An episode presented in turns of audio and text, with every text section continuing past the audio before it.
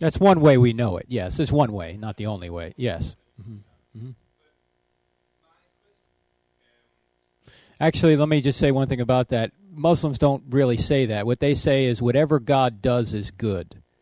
So if Allah decides to do X, X suddenly becomes good. They don't believe that God is essentially good. God is more arbitrary. So that's why they can't they have no security in what Allah is going to do because one day Allah can tell them to do X and the next day he can tell them to do non X. And so the Muslim God, in theological terms, is more of a voluntaristic God. That's a God who's arbitrary, as opposed to a Christian God who is more essential, that his nature doesn't change, so his moral precepts don't change.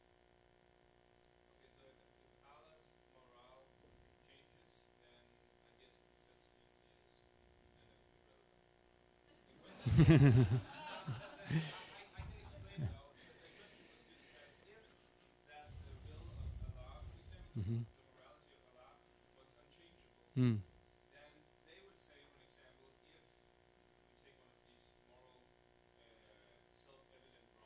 Mm. Right.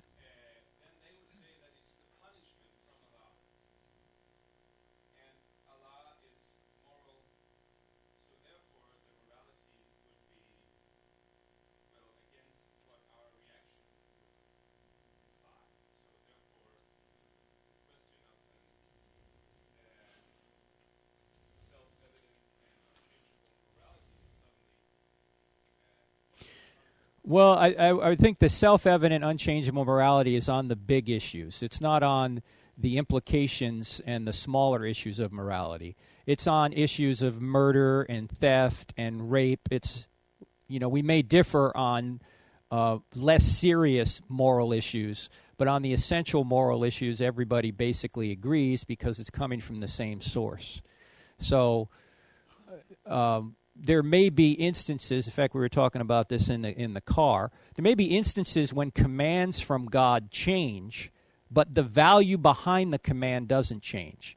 Circumstances change so the command changes. For example in the old testament god had all of these dietary laws for israel. Why? What was the purpose of these dietary laws? The purpose of the dietary laws were to were to show israel they needed to be separate from the other nations that they needed to be holy or set apart uh, those laws can change because the, the theocracy is over with regard to Israel.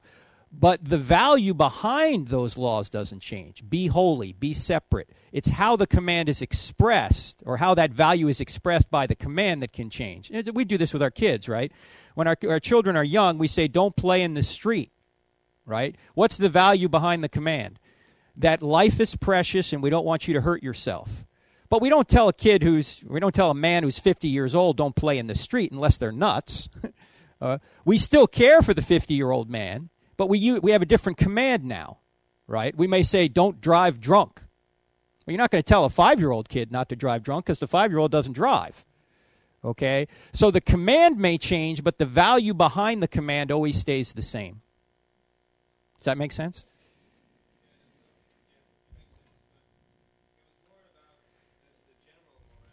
Mm-hmm.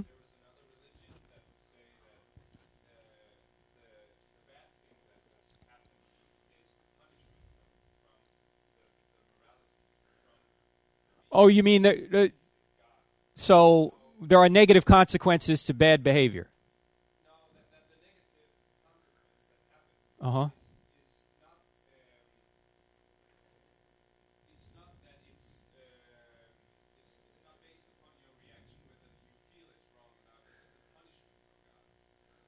Well, there are times when you may not feel wrong. In fact, sociopaths don't feel wrong. That's why they can continue to kill. They intellectually know it's wrong, but they don't have the feeling of guilt. But we would consider that a defect. Just because some people don't have a feeling that something is wrong doesn't mean that it isn't wrong. Just like some people are colorblind, but that doesn't mean colors don't exist because some people are colorblind. So it might be a deficiency in somebody who doesn't feel that something's wrong,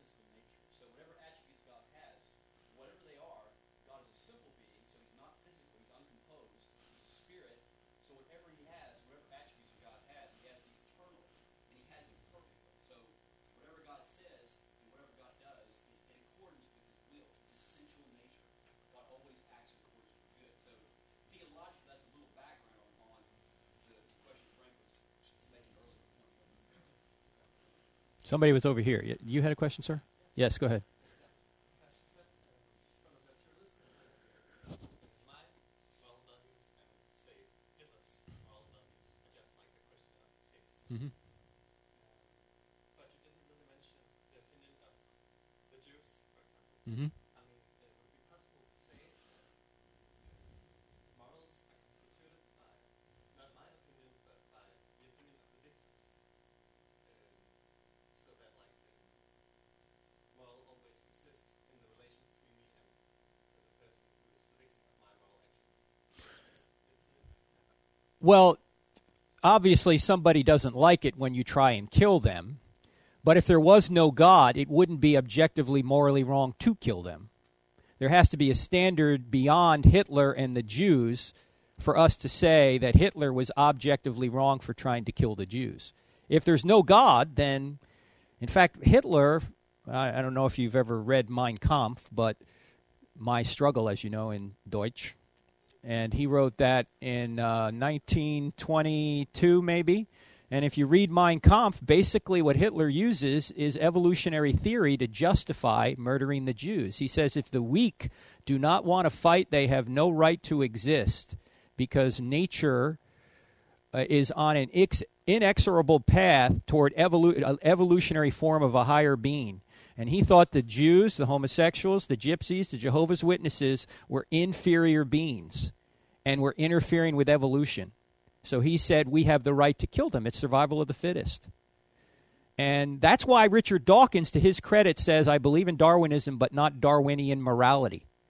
The problem is, is he's stealing morality from God to say, don't do it the Darwinian way. You see, he's stealing morality from God in order to say that I'm not for the Darwinian morality. Well, if Darwin is right and there is no God and we're just molecular machines, then the Darwinian morality is just the way things are. I don't know if I answered it, but go ahead. I answered the question I wanted to answer. I don't know if it was your question, but go, go ahead. My moral value as a person would be that you know, I have consciousness, and uh, we know from experience that we can suffer and happiness, and we know from experience that if I help someone, it will make this person happy. If I hurt someone, yeah, it will be bad.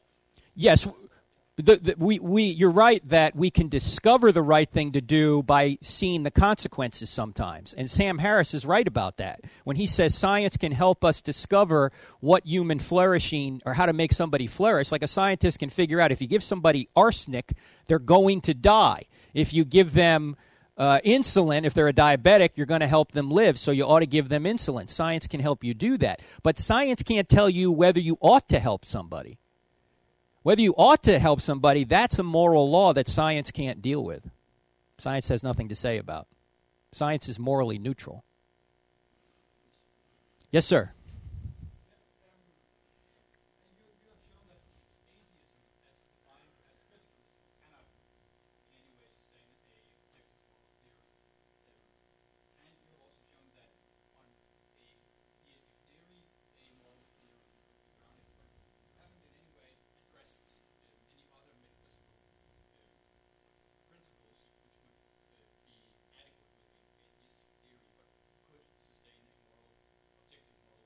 What would those be? Platonism or?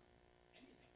Uh, there are plenty of uh, theories which are probably uh, problematic, but uh, any of them or some of them could at least be reasonable. And when you, have, you haven't in any way shown that the theistic theory is better than those, it could be, for example, reason or just stating that moral in itself is a met- metaphysical principle that is ontologically uh, in the world governing Well, let's let, let's take Platonism because that's probably the most popular. That there are these forms out there, these moral forms. That maybe there's such a thing as justice and love and vice and virtue and selfishness and greed, whatever these these moral categories are.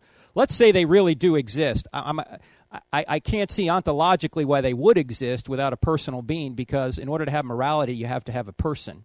You don't have a moral obligation impersonal forces. You have a moral obligation to persons. Like, for example, if you go try and dunk a basketball, you're not sinning against the law of gravity, right? That's an impersonal force.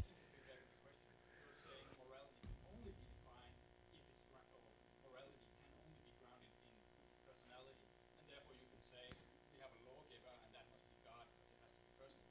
But on a, a ontological theory stating that reason or just morality ontologically is governing, that is by definition not a personal theory of morality. Well, that's what I'm trying to figure out. Who do we have these moral obligations to? Like, for example, let's suppose these Platonic forms actually exist. That love exists, but so does selfishness.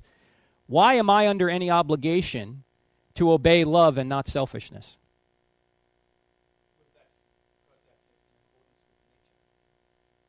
No, no. Nature is.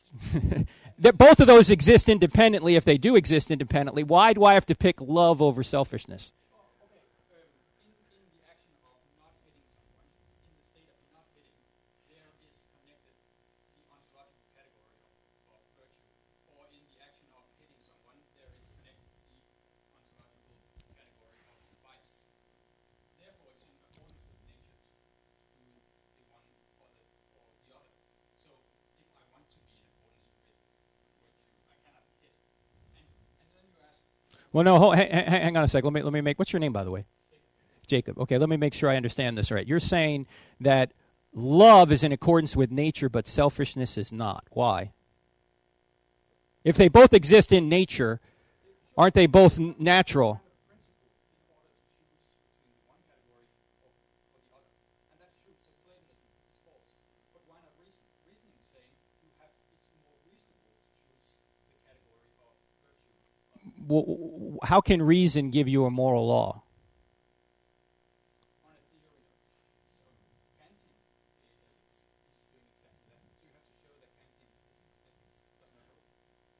Well, Kant believed in God, so Kant had a moral of morality.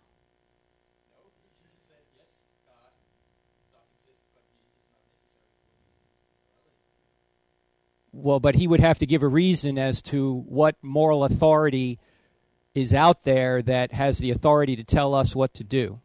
So, what moral authority, absence of God, can tell us what to do?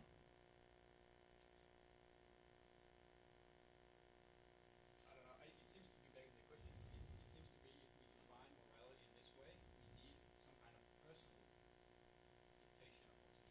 Then it leads to an argument for God. But if we define morality as, as just in accordance with reason, because that is in some way um, Well, all right, let me let me give you Stalin's view on this. Okay, Stalin, who originally was a seminary student and rebelled against God, thought it was reasonable for him to murder every one of his enemies because then he could get what he wanted. And he did. He died on his deathbed at the age of 74, shaking his fist at God one last time. That was perfectly reasonable inside of his worldview. And in fact, if there is no God, Stalin did for him what brought him the most happiness in this life. And he'll pay for none of it because if there's no God, he's just dead. Following reason, that's where Stalin wound up. Why shouldn't he have done that? that's that's again equilibrating between epistemic and ontological. If we believe in reason as an ontological category, then it would not be according. Uh, Stalin would not be according to reason in doing so. How, how not? How not? Wha how, how?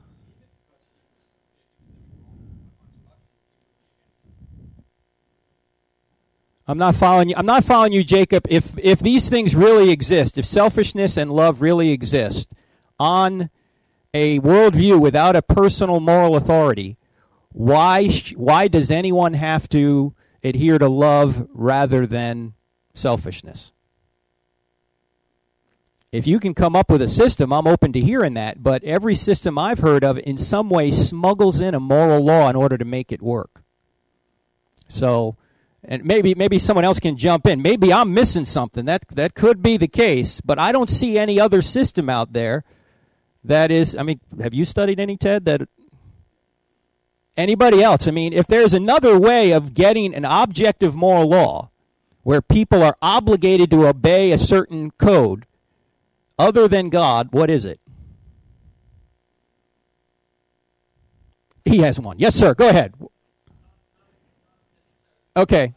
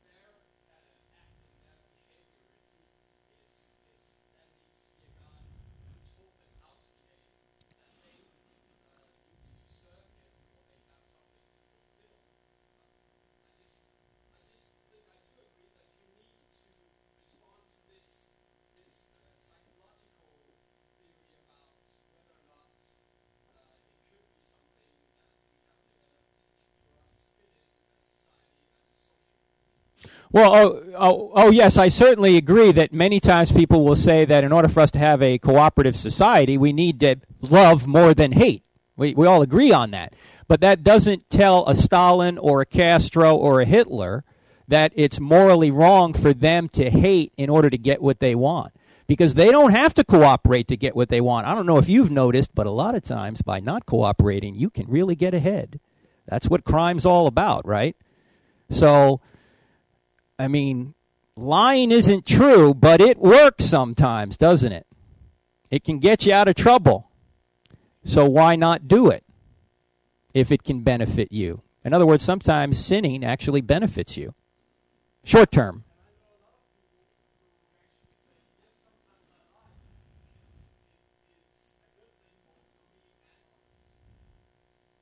Oh, it's a, well, see that now they're smuggling in a moral law again that it's good. What do you mean by good? Or what do you mean by benefits? Why should we benefit one another? That's the very question. See, that's. And them, and quite frequently, as you know, you have to do things that don't directly benefit you in order to take care of others. In fact, that's what Christ did. Christ sacrificed himself to benefit us. It was no good for him. He died as a as a man. We're the ones that benefit. Hmm. anyway, Jacob, tomorrow night we're going to be in this room. So if you find something, bring bring it up again tomorrow night. and We'll talk about it. Is that all right? We're going to be in this room talking about other arguments for God, but we can talk about that too. Good question. Anybody?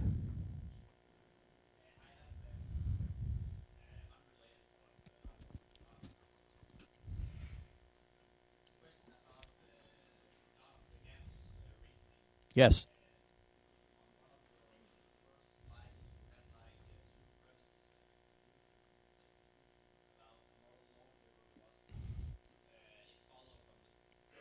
Yes. Right. So, uh, but my question is, if, I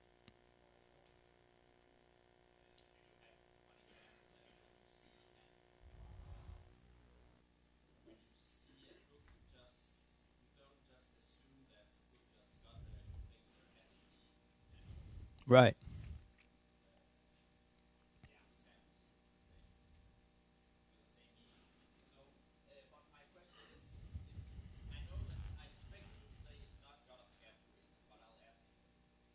It's not God of the gaps reasoning.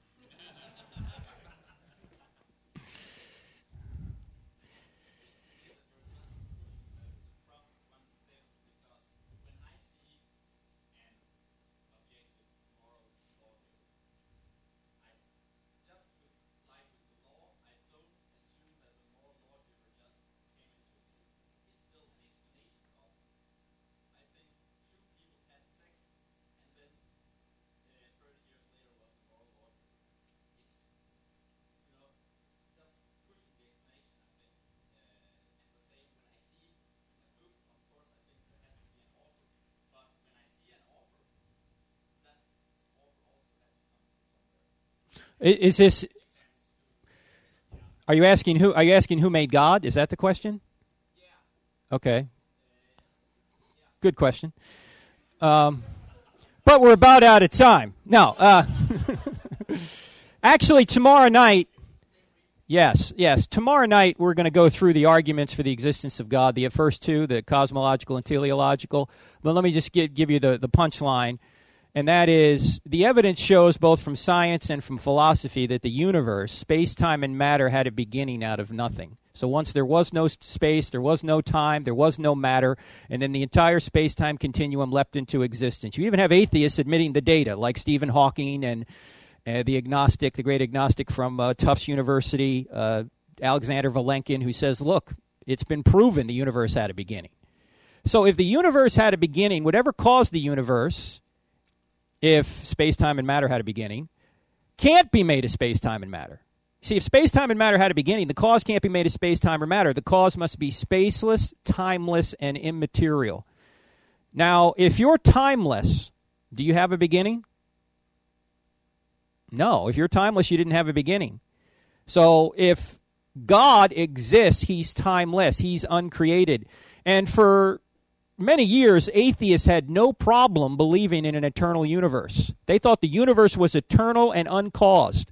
But in the 20th century, when scientific uh, discovery after scientific discovery seemed to show the universe had a beginning, and theists kept saying, well, okay, the universe isn't uncaused, but whatever created the universe is uncaused, then suddenly the atheists are going, oh, we can't believe in an eternal God. We could believe in an eternal universe, but now we can't believe in an eternal God. Why not? I mean, if you had no problem believing in an uncaused eternal universe, why can't you believe in an uncaused eternal God? Look, Aristotle knew this. There had to be an unmoved mover, right? There had to be something that is uncaused and gives motion or change to everything else. And what science has now shown, and what, of course, philo- uh, philosophical arguments have shown, is that there is an unmoved mover, and it's not made of space, it's not made of matter, it's not in time, so it's completely uncaused. And this is the problem, and it goes back to your question about God of the gaps. This is the problem that Richard Dawkins has. Richard Dawkins is arguing against a God of the gaps God. He's arguing against a God who's inside the universe, like Zeus or like Thor, not a immaterial, spaceless, timeless, powerful, moral, personal, intelligent creator. And here's where God and Richard Dawkins agree.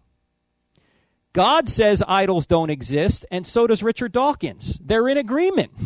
but the kind of, of, of God that Richard Dawkins is criticizing is the same kind of God the God of the Old Testament is criticizing. Idols don't exist. Zeus doesn't exist. Thor doesn't exist. Only I exist. A spaceless, immaterial, timeless, powerful, moral, personal, intelligent creator.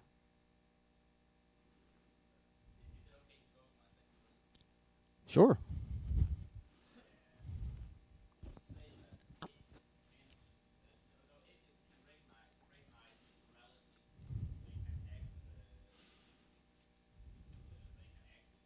Morally? Yes.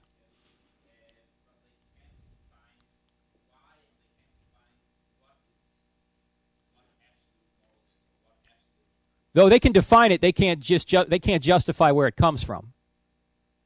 They know it, they can define it, they can live it, but they can't explain where it comes from. It's like saying, Uh, they can see this book, they can read it, they can understand it, but they can't justify where it comes from because they deny there's an author.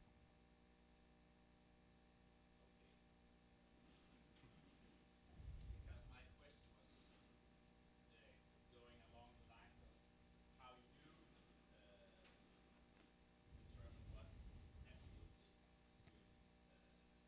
before you said the thing about the Bible's not really necessary. I mean, it gives you all the details, but it's not really necessary because we all have uh, sins.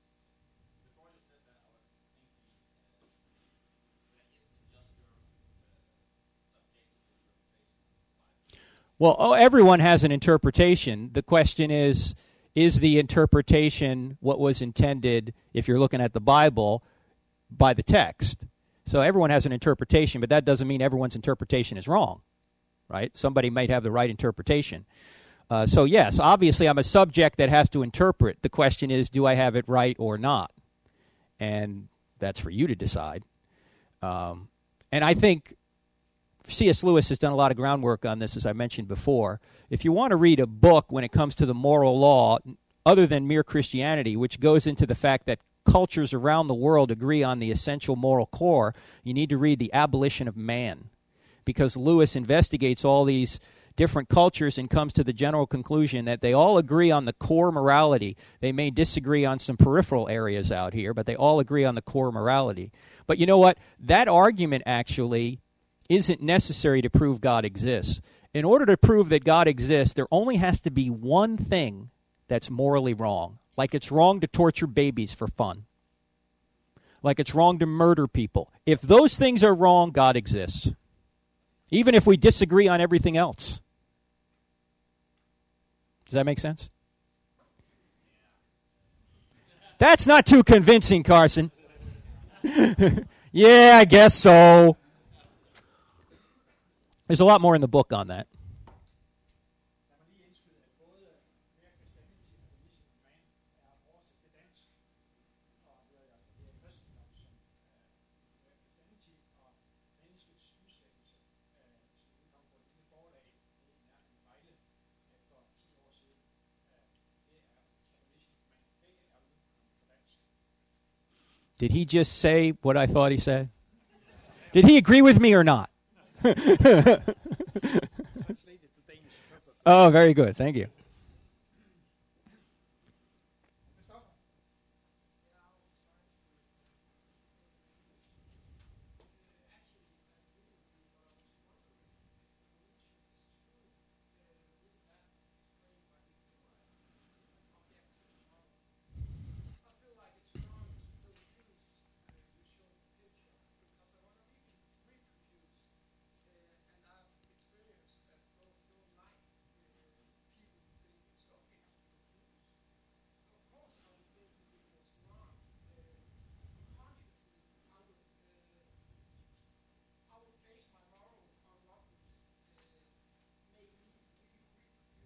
Mm-hmm.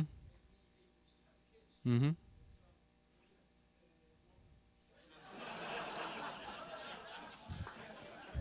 Or women. Don't be so narrow minded.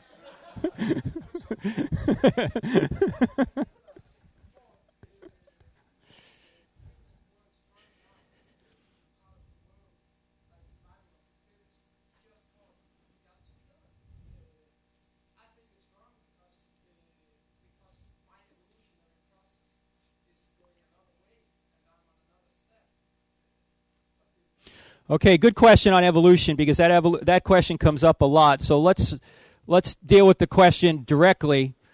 Um, can evolution account for morality? Uh, first of all, moral laws are not chemical or biological; they are immaterial and come from personal agents. So you don't get a moral law from a biological process. Biology and morality are in different categories. One is a physical process, and the other, of course, is an immaterial law. Chemistry and biology are descriptive. They are not prescriptive. Evolution describes what does survive, not what ought to survive. Why humans? Why these humans? Why not the Nazi humans? Why, the, why, why, why, why should the Jews survive on evolution if the Nazis are stronger? Also, should we rape to survive? I mean, if evolution is our standard and our goal is to survive and to pass our genes on, then why not rape to survive? Uh, should we murder the weak to help others survive? That's exactly what Hitler did. Hitler said, We've got limited resources here. We want to make sure that these weak individuals are not taking these limited resources from the strong, so we're going to kill the weak. Of course, since evolution is a process of change, then morals must change. Rape may one day be considered good on evolution. And finally, why cooperate when not cooperating often helps you survive? I already mentioned that earlier. So you can survive yourself if you kill all your enemies. So why not do that on evolution? Of course, what you said in the beginning was absolutely right. If evolution is true, evolution might give us the feelings that we ought to behave in a certain way. But again, that's epistemology, that's not ontology. That's how you know what the right thing is, but it doesn't explain why the right thing exists to begin with. And the right thing is an immaterial law promulgated by an unchanging moral lawgiver who has authority over human beings. That's what we mean by God. Evolution can't do that. Evolution is just a biological process, if it's true at all.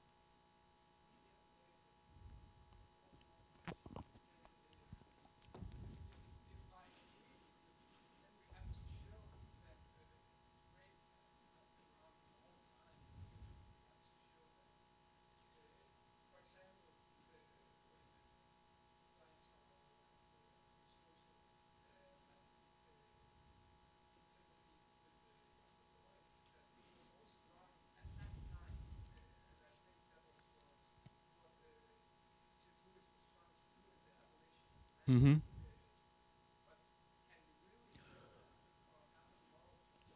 You don't have to show that. And here's the reason why. Even if people disagree on morality, subjective disagreement doesn't mean there are no objective truths about morality any more than scientific disagreement means there are no objective truths about nature. You know, some, some scientists say light is a wave, others say it's a particle, others say it's both. Well, there's disagreement. Does that mean there's no, no, such thing known as light? There's even disagreement over what energy is. You ask any physicist, what is energy? They're going to go, what? I've never been asked that question because nobody can really define it. But energy exists, even though we might disagree about its nature. Uh, if just one action is morally wrong, then God exists and morality is objective. We may disagree over certain things. In the past, certain people thought slavery was right, correct? In fact, many people still think it's right. There's, as you well know, one of the most tragic things about our culture now is the sex slave trade. Now, there's not a person in this room that think that's a good thing, but there's some people out there who are doing what? They're suppressing the truth. Most moral disagreement originates as willful denial. We want something, but morality is in the way. We know something is wrong, but we willingly suppress our knowledge of it to get what we want.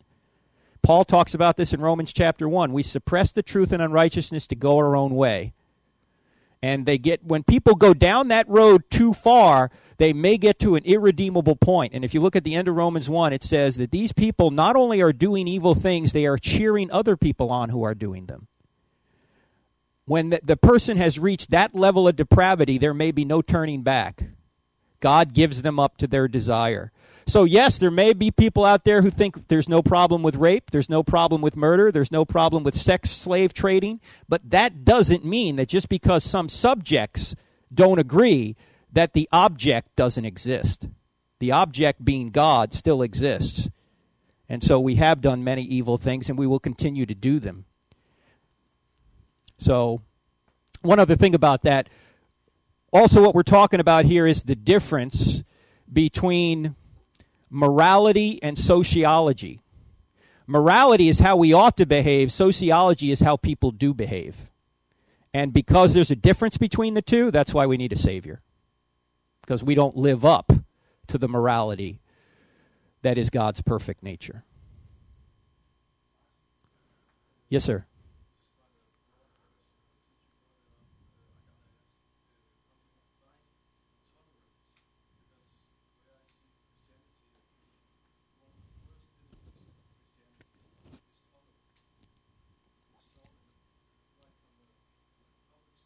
Mm-hmm.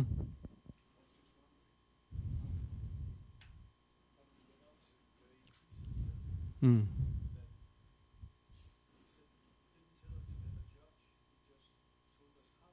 Exactly.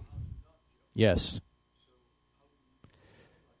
Okay, okay well, uh, here's one thing you can say. Suppose somebody asks you a question about a very controversial issue. And you, you're on the conservative side of things, you think the other person's on the other side of things. Here's the first question you ought to ask Do you consider yourself a tolerant person?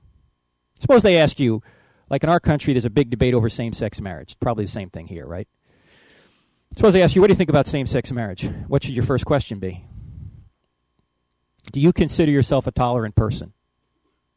What's the other person going to say? Well, of course I'm a tolerant person.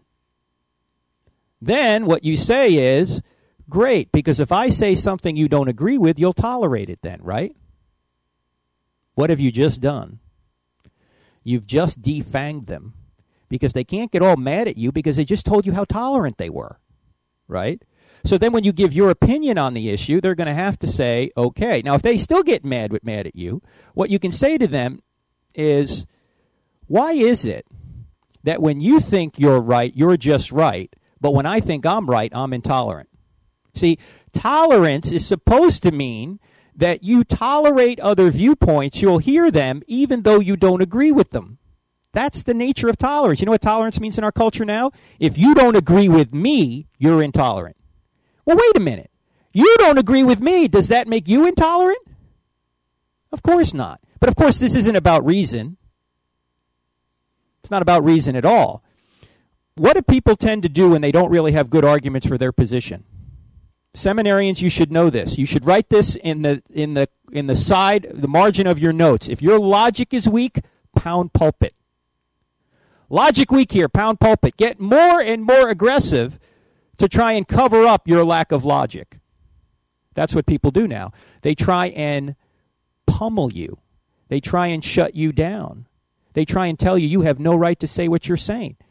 I've noticed that the people who say they're fighting for tolerance are often the most intolerant people out there.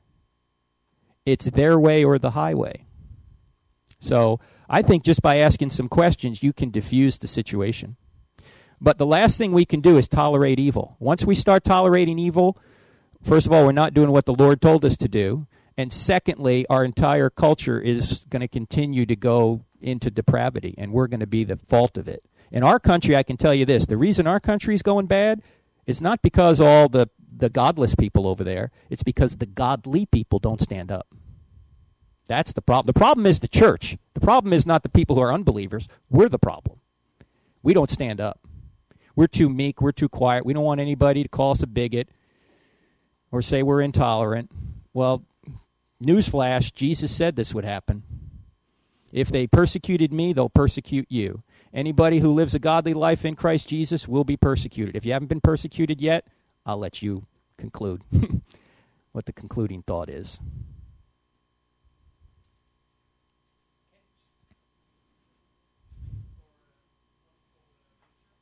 Thank you, sir.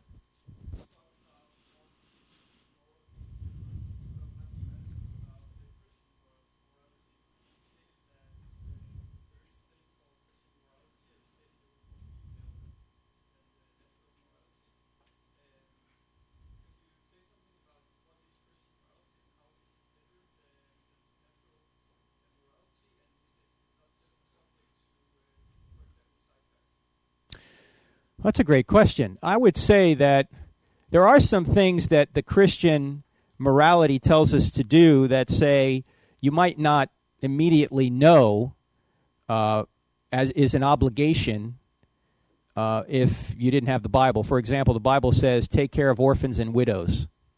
Now you know that was a good thing to do, but did you have a duty to do it? The the Bible is giving you a duty to do that. Take care of our orphans and widows. Help the poor. Uh, share your money with people. Use your money to win people to Christ. Luke sixteen nine. These are all things that go beyond uh, what a normal moral law might say. If your uh, enemy asks you for something, help him. Pray for your enemies. These are things that go beyond just, you know, don't hurt me, I won't hurt you. So, sacrifice, in other words, is a great moral virtue according to the Bible that you might not get by just the, the basic moral law. Anything, Dan? Uh, also, an issue that I would, I would add, just add to what Frank said. Uh, one of the other main things about Christian morality is, is essentially self-denial. Christ said, "Take your cross and follow me." Uh, Lew- C.S. Lewis said, "If you're picking a religion to follow, don't pick Christianity." He said, "If you pick Christianity to make you happy, you're picking the wrong religion." He said, "A bottle of port can make you happy." Mm-hmm. You know, Christianity is about making you holy, and Christ's morality is actually perfect. In fact, he shows us that we can't even keep his morality, which is why we need him so it's it's not one that like if we're going to make something up, you know, like we want to follow this. This is what Christ teaches us to do, and that is to be perfect like He's perfect. So it's not an issue of like whether it's superior or whatever to other moralities. Um, it shows us our need for a Savior, because Christ showed to the Pharisees they thought that they were keeping the law. They thought they were keeping the morality by actually not doing it. In fact, they said at the time that Christ lived, the Judaism of the day was that if I'm not actually physically committing adultery, then I'm keeping the law. Jesus said, if you have lusted, you have committed adultery already in your heart.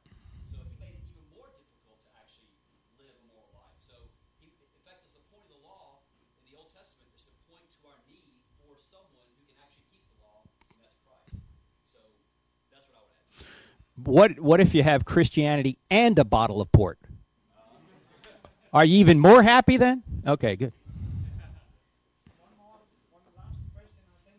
Question. Yes, thank you very much. Um, well, since I'm the last one and we've been talking for a long time, um, I happen to be a moral philosopher, but I won't pose any technical questions. Um, I will pose another question. Why is it interesting to prove the existence of God? Why is it that we want the proof or we want to believe it? What is so? What I'm asking is, um, what is the point about proving when we have to have faith? If you follow- Oh yes, excellent question. Yeah. Yeah.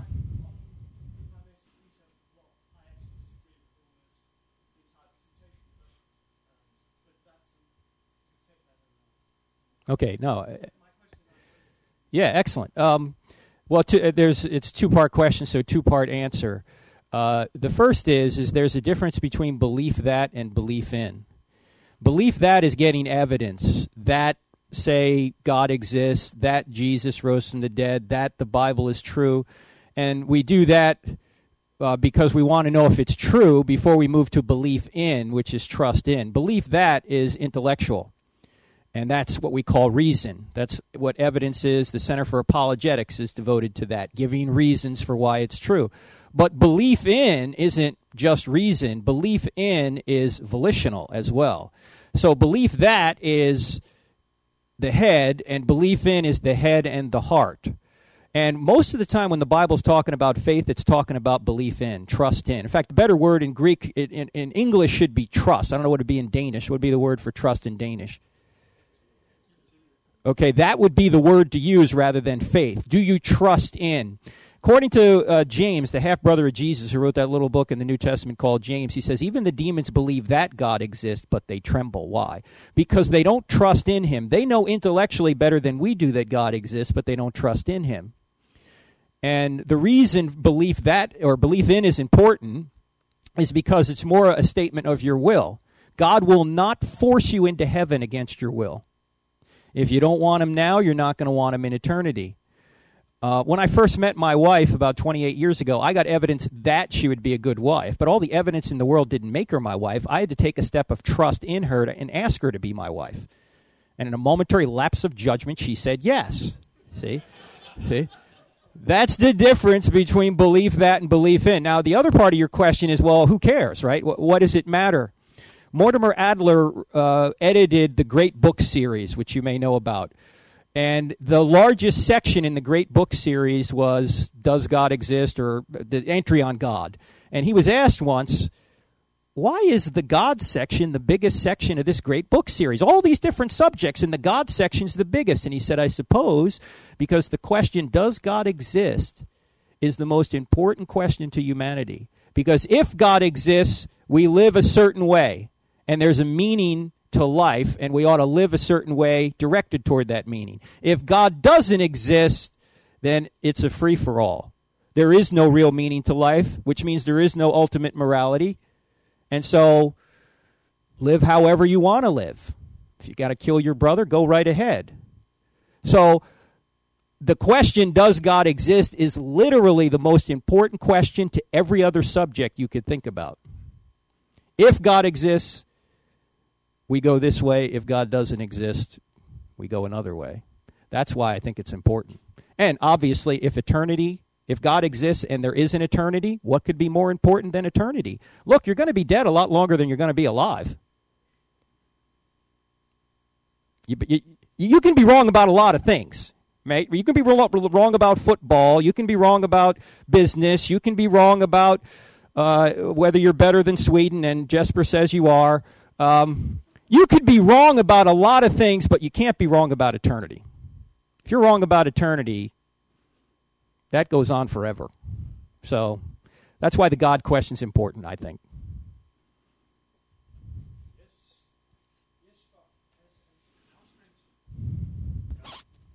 You speaking in Danish or? Uh, okay, no, that's fine. Okay, det var lige for at uh, minde alle folk omkring, at uh, der også vil være en, uh, en præsentation i morgen kl. 19.30, hvor at det faktisk er for egentlig for alle KFS'er i uh, Aarhus-området, men uh, I er hjertelig velkommen til at komme der også, og han vil undervise i nogle af de emner, han ikke allerede dækket, inklusiv uh, Jesu opstandelse. Så der skal I også være hjertelig velkommen til 19.30 i morgen. Yeah. Just saying that actually it's an, an objective truth that Danes are better than Swedes. Oh, very good. Okay. I told you that earlier. I told you that, and you didn't agree. Yeah. One of those other things you get from the Bible. Yes. We are close to an end now, and uh, I want to thank you, all of you for coming here tonight and asking questions and coming. And, uh, and especially, I want to thank you Sven, for giving a thank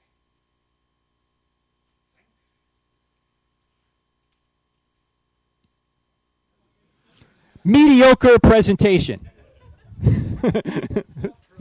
All right. Thank you, Gert. Thank you.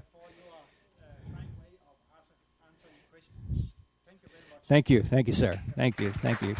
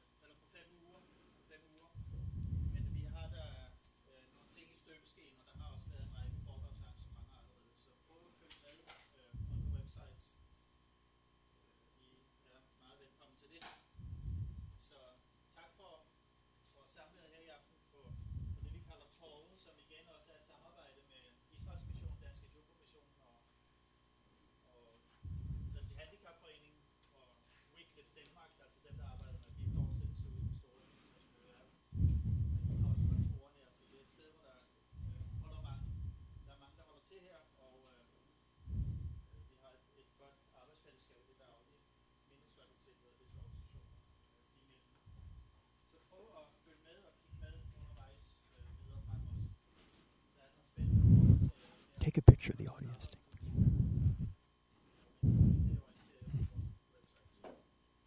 Everybody say cheese. Back in America. Thank you.